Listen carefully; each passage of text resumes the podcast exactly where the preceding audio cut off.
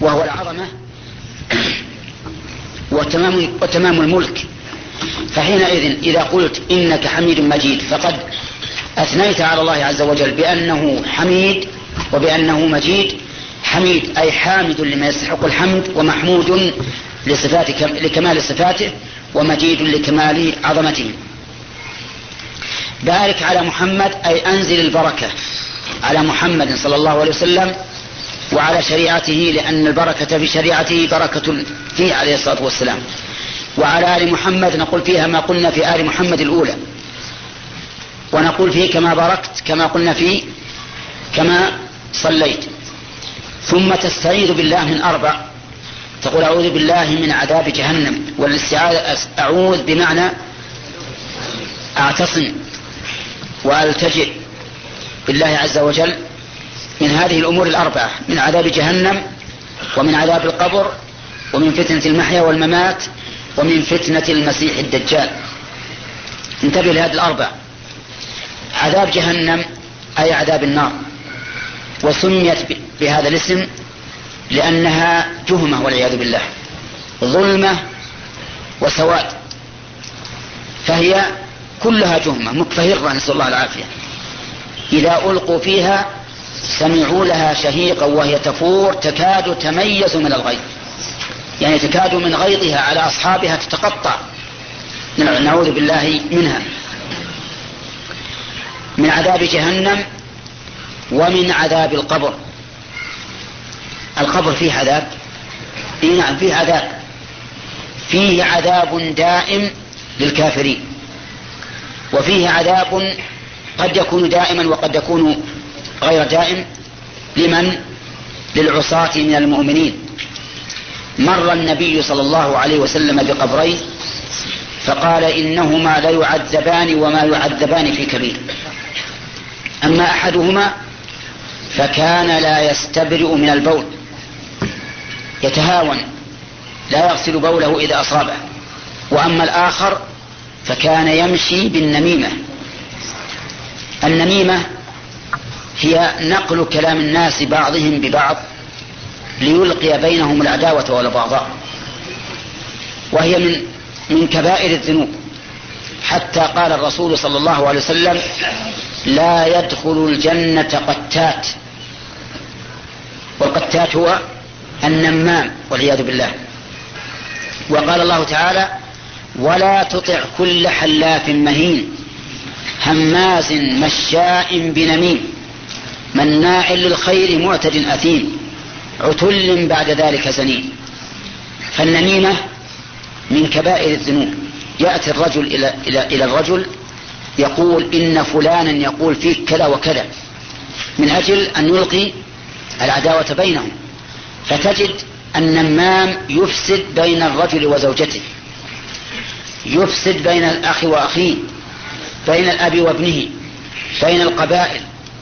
فيفسد والعياذ بالله بنميمته ما لا يعلمه إلا الله ولهذا كانت النميمة سببا لعذاب القبر كما قال الرسول عليه الصلاة والسلام. قال ثم في حديث ابن عباس أخذ جريدة رطبة فشقها نصفين فغرز في كل قبر واحدة. فقالوا لما صنعت هذا يا رسول الله؟ قال لعله يخفف عنهما ما لم ييبسا يعني أن الرسول رجع أن الله يخفف عنهم العذاب. ما يقطع يخفف عنه. ما لم ييبس يعني إلى هذه المدة فقط بعض الناس أخذ من هذا حكما أخطأ في أخذه من هذا الحديث. قال ينبغي أن تضع على القبر جريدة خضراء أو شجرة أو ما أشبه ذلك. فما تقولون في هذا الأخذ من هذا الحديث؟ نقول هذا أخذ خطأ باطل. لأن الرسول صلى الله عليه وسلم لم يكن يضع ذلك على كل قبر. إنما وضعه على قبرين كشف له عنهما. فهل كشف لك أنت عن هذا القبر حتى تضع عليه؟ لا. ثم نقول إذا وضعت هذه الجريدة على قبر رجل فقد اتهمته بأنه يعذب في قبره وأسأت الظن به. فلو وضعتها على قبر أبيك لكان هذا من العقوق والإساءة إلى أبيك. كأنك تقول للناس اشهدوا أن أبي عاص يعذب في قبره. أعوذ بالله. انتبه يا أخ. فصار هذا الذي أخذ الحكم من هذا الحديث أخطأ. من جهة أخذه من السنة وأخطأ من جهة إساءة الظن بها بصاحب هذا القبر. طيب. ومن فتنة المحيا والممات. الفتنة هي الاختبار. وتكون بالخير وتكون بالشر. قال الله تعالى ونبلوكم بالشر والخير فتنة. قد يبتلي الله الإنسان بالشر بالمصائب بمرض في بدنه في أهله في أقاربه بفقر بغير ذلك من المصائب ليبلوه هل يصبر أو لا يصبر. قد يكون قد تكون الفتنة بالخير ليبلوه هل يشكر أو يبطر. ولما مر بسلي... لما أتى سليمان على وادي النمل قالت نملة يا أيها النمل ادخلوا مساكنكم. لا يحطمنكم سليمان وجنوده وهم لا يشعرون. فتبسم ضاحكا من قولها وقال رب أوزعني أن أشكر نعمتك التي أنعمت علي وعلى والدي. وأدخلني برحمتك في عبادك الصالحين. نعم. وأن أعمل صالحا ترضاه وأدخلني برحمتك في عبادك الصالحين. وقال في آية أخرى ليبلوني أأشكر أم أكفر؟ ومن شكر فإنما يشكر لنفسه. نعم. أستغفر الله. نعم. قبل قال يا أيها الملأ أيكم يأتيني بعرشها قبل أن يأتوني مسلمين؟ قال عفريت من الجن أنا آتيك به قبل أن تقوم من مقامك وإني عليه لقوي أمين. قال الذي عنده علم من الكتاب أنا آتيك به قبل أن يرتد إليك طرفك فلما رآه مستقرا عنده قال هذا من فضل ربي ليبلوني أأشكر أم أكفر؟ إذا فتنة المحيا تكون بالخير وتكون بالشر. تكون بالشر ليبتلى الإنسان هل يصبر أو لا يصبر؟ تكون بالخير ليبتلى هل يشكر أو لا يشكر.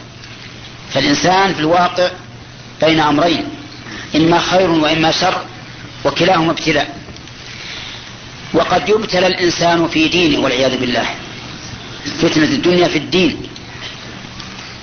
وذلك يدور على أمرين على شبهات وعلى شهوات.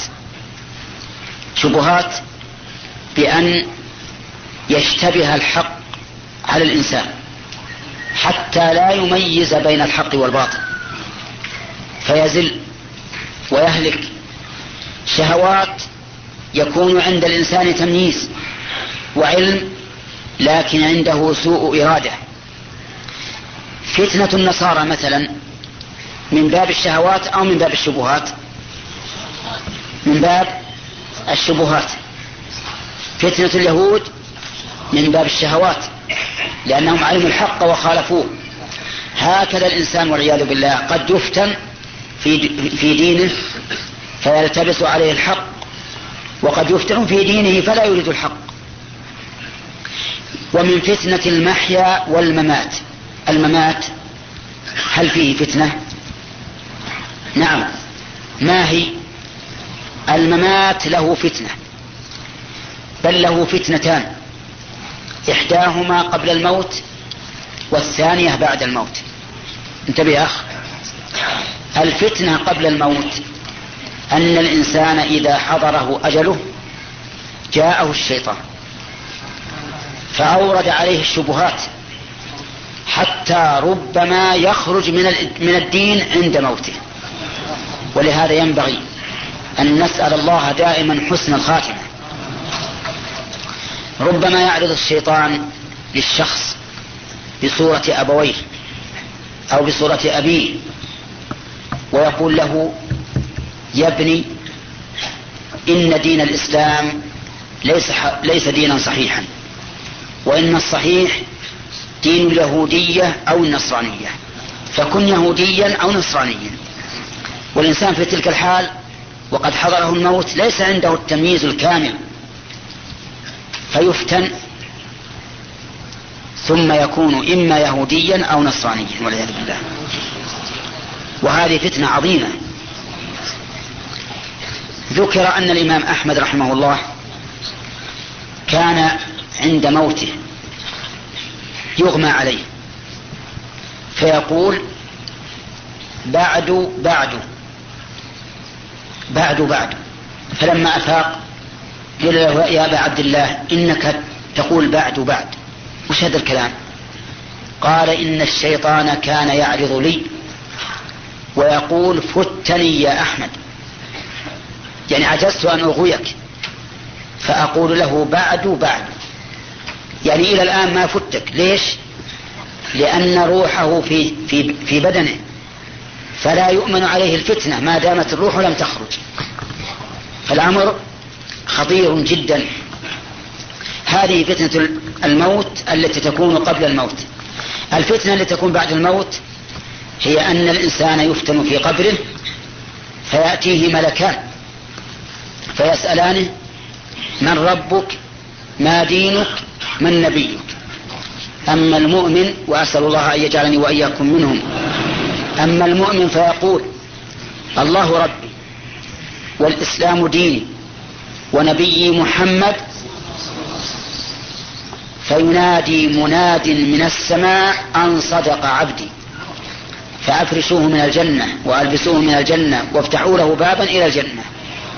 ويمد له في قبره يفسح له في قبره مد البصر.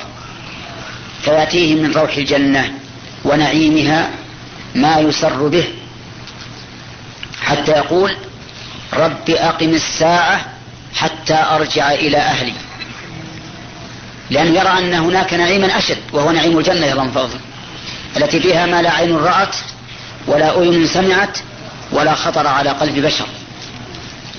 وأما غير المسلم كالمرتاد والكافر فيقول ها ها إذا سئل ها ها لا أدري. سمعت الناس يقولون شيئا فقلت. لأن الإيمان لم يدخل إلى قلبه والعياذ بالله. سمع فقال بدون إيمان فيضرب بمرزبة من حديد. فيصيح صيحة يسمعها كل شيء إلا الإنسان. يضرب بمرزبة من حديد فيصيح صيحة يسمعها كل شيء, كل شيء إلا الإنسان.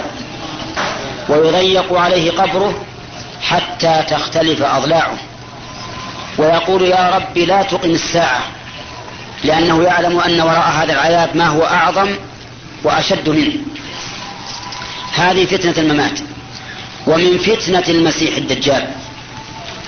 المسيح الدجال هو رجل يبعثه الله سبحانه وتعالى في آخر الزمان. يدعي أنه رب. ويجعل الله تعالى على يديه من الأمور ما تحصل به الفتنة الكبرى حتى إنه يأتي إلى القوم فيدعوهم فإذا استجابوا له أمر السماء فأمطرت وأمر الأرض فأنبتت. ويأتي إلى القوم فيدعون فيدعوهم فيردون دعوته. فيصبحوا ممحلين والعياذ بالله. ليس عندهم ماء ولا نبات. هذه الفتنة العظيمة يفتتن بها أمم لا يعلمهم إلا الله. وينجو منها المؤمن لأنه قد كتب بين عينيه كافر بحروف مقطعة. كاف فاء يقرأها كل مؤمن القارئ وغير القارئ. ويعمى عنها كل فاجر سواء كان قارئا أم غير قارئ فيقع في فتنته والعياذ بالله. ويتخذه ربا من دون الله. ومعه جنة ومعه نار. لكن الجنة نار والنار جنة. كل هذا من, فتن من الفتنة التي يريدها الله عز وجل بحكمته. يبقى هذا المسيح الدجال في الأرض أربعين يوما. اليوم الأول كسنة يعني اثني عشر شهرا والثاني كشهر والثالث كأسبوع والرابع وبقية الأيام كسائر أيامنا. لما حدث الرسول عليه الصلاة والسلام بهذا الحديث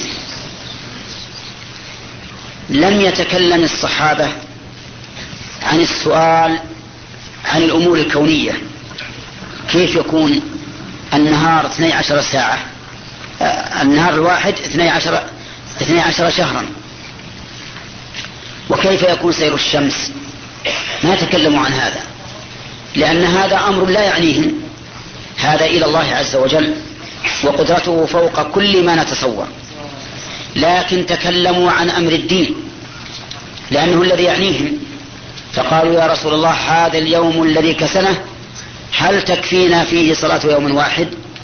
قال لا اقدروا له قدره. يعني صلوا في هذا اليوم الواحد صلاة اثني عشر شهرا. صلاة سنة كاملة. اليوم الثاني كالشهر يصلى فيه كم؟ صلاة شهر كامل. الثالث صلاة أسبوع. الرابع وما بعده كصلاة العادة. فتأمل الصحابة رضي الله حال الصحابة رضي الله عنهم. ما كانوا يسألون عن الأمور الكونية القدرية لأن هذا أمر ليس في, في, في شأن منه. إنما المطلوب منهم ما يتعلق بالأمور الشرعية التعبدية. ولهذا سألوا عن العبادة ولا سألوا عن الأمر الكوني القدري. كيف أن الشمس التي جرت العادة أن تقطع الأفق في 24 ساعة لا تقطعه إلا في سنة كاملة؟ هذا خلاف العادة لكن هم لا يهمهم هذا لأن الأمر إلى الله. الذي يهمهم هو الأمر الشرعي. طيب هذا المسيح بعد أن يبقى أربعين يوما على الوصف الذي ذكره النبي صلى الله عليه وسلم ينزل عيسى بن مريم عليه الصلاة والسلام ينزل من السماء فيقتل هذا المسيح الدجال. وينزل عيسى حكما عدلا لا يقبل إلا الإسلام أو القتل. من لم يسلم قتله. ما في جزية. الآن الجزية في في الشريعة, في الشريعة الإسلامية ثابتة. فيدعى الكفار أولا إلى الإسلام فإن أبوا دعوا إلى بذل الجزية فإن أبوا قوتلوا. لكن إذا نزل عيسى لا يخير الكفار إلا بين أمرين الإسلام أو القتل. وليس هذا نسخا لشريعة الرسول عليه الصلاة والسلام بل هو عمل بها لأن الرسول صلى الله عليه وسلم أخبر بأن هذا سيكون وأنه من شريعته صلى الله عليه وسلم.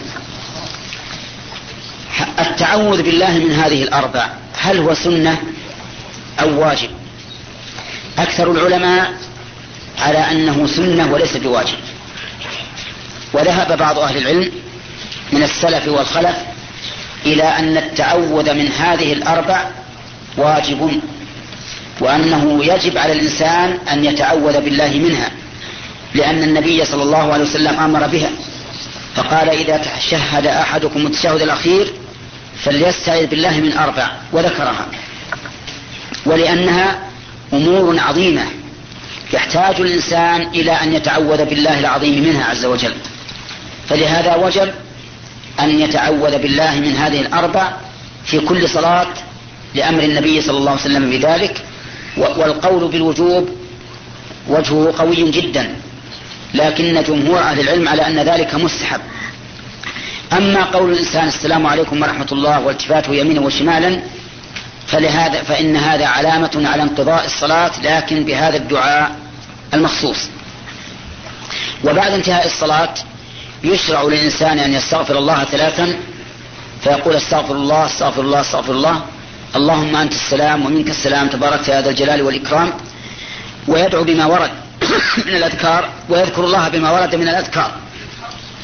ومنها سبحان الله والحمد لله والله أكبر ثلاثة وثلاثين وتمام, وتمام المئة. لا إله إلا الله وحده لا شريك له له الملك وله الحمد وهو على كل شيء قدير. أو يقول سبحان الله سبحان الله سبحان الله حتى يكمل ثلاثة وثلاثين ثم يقول الحمد لله الحمد لله حتى يكمل ثلاثة وثلاثين ثم يقول الله أكبر حتى يكمل أربعا وثلاثين. أو يقول سبحان الله سبحان الله عشرا الحمد لله عشرا الله أكبر عشرا. أو يقول سبحان الله والحمد لله ولا إله إلا الله والله أكبر خمسا وعشرين مرة. فهذه فهذه أربعة أنواع. النوع الأول الأخ. ما هو النوع الأول؟ النوع الأول في التسبيح. السؤال لواحد آه ما سمعت؟ ها؟ ما هو النوع الأول من التسبيح بعد الصلاة؟ نعم. نعم. نعم. نعم. ثلاثة وثلاثين. وتمام المئة؟ له الملك وله الحمد وهو على كل شيء قدير. طيب هذا النوع الأول. اسرح الثاني. سبحان الله سبحان الله. 33 والحمد لله 33 والله أكبر والله أكبر 34 طيب أحسنت. الثالث. يقول سبحان الله والحمد لله. سبحان الله والحمد لله والله أكبر. ذكرها الأخ. نعم. اسرح نعم. سبحان الله والحمد لله ولا اله الا الله والله أكبر. ولا إله إلا الله والله أكبر. تكون الجميع؟ كم يكون الجميع؟ لا. هذه أربعة إذا قال خمسة وعشرين مرة تكون مئة. طيب. اسرع. نعم. نعم. نعم. ويكبر الله عشرا. صح. يعني تقول هذا مرة وهذا مرة على القاعدة التي ذكرناها أن العبادات الواردة على وجوه متنوعة يفعلها الإنسان تارة كذا وتارة كذا. وينبغي وينبغي أن يجهر بهذا الذكر. لقول ابن عباس رضي الله عنهما كان رفع الصوت بالذكر حين ينصرف الناس من المكتوبة على عهد النبي صلى الله عليه وسلم. إلا إذا كان جنب إلى جنبك رجل يقضي الصلاة وتخشى أن تشوش عليه لأنك قريب منه فهنا تسر. أما إذا لم يكن هناك تشويش فإنك تجهر به لأن هذا هو المعروف في عهد النبي صلى الله عليه وسلم. وما ذهب إليه بعض أهل العلم من أنك تسر به ولا تجهر فإن قولهم مردود بما ثبت في صحيح البخاري عن ابن عباس أن رفع الصوت بالذكر كان على عهد رسول الله صلى الله عليه وسلم. ومن الغريب أنهم أجابوا عن هذا الحديث بجواب ضعيف. قالوا إنما جهر النبي صلى الله عليه وسلم بذلك للتعليم. ورد هذا من وجهين. الوجه الأول أن الرسول صلى الله عليه وسلم